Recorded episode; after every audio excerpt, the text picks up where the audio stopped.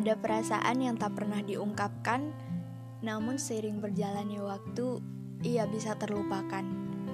Bersama Binar Jingga, mari kita sama-sama bercerita, agar semua bisa menjadi kenangan, dan selamat mendengarkan.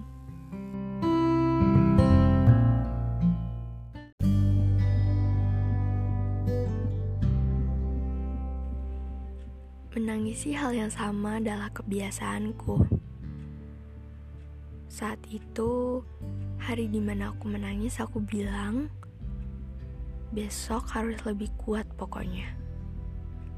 Aku harus bisa untuk gak nangisin hal ini lagi. Tapi ternyata, aku salah. Setelah mungkin tiga hari tiga malam aku nangisin hal yang sama, aku sadar ternyata untuk kenapa-napa itu nggak apa-apa. Ya itu adalah momennya, itu adalah waktunya untuk aku nangis. Kenapa aku harus nolak kesedihan? Ya emang sih, nggak ada yang ingin ngerasain sedih. Tapi ternyata sedih itu baik, dia bisa menjadi obat. Tangan yang baru saja terluka juga kan gak baik kalau langsung dibalut dengan plaster. Baiknya dibersihin dulu supaya nggak terjadi infeksi. Begitu juga dengan aku yang saat ini mungkin bisa dibilang terluka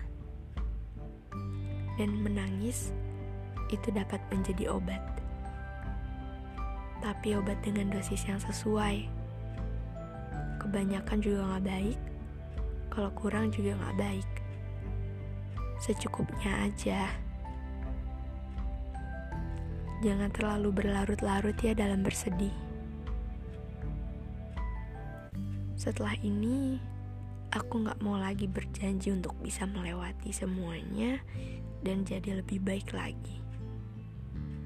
Tapi seharusnya aku mengganti dengan aku berusaha bahwa aku bisa ngelewatin semuanya. Aku berusaha untuk bisa menjadi lebih kuat dari sebelumnya.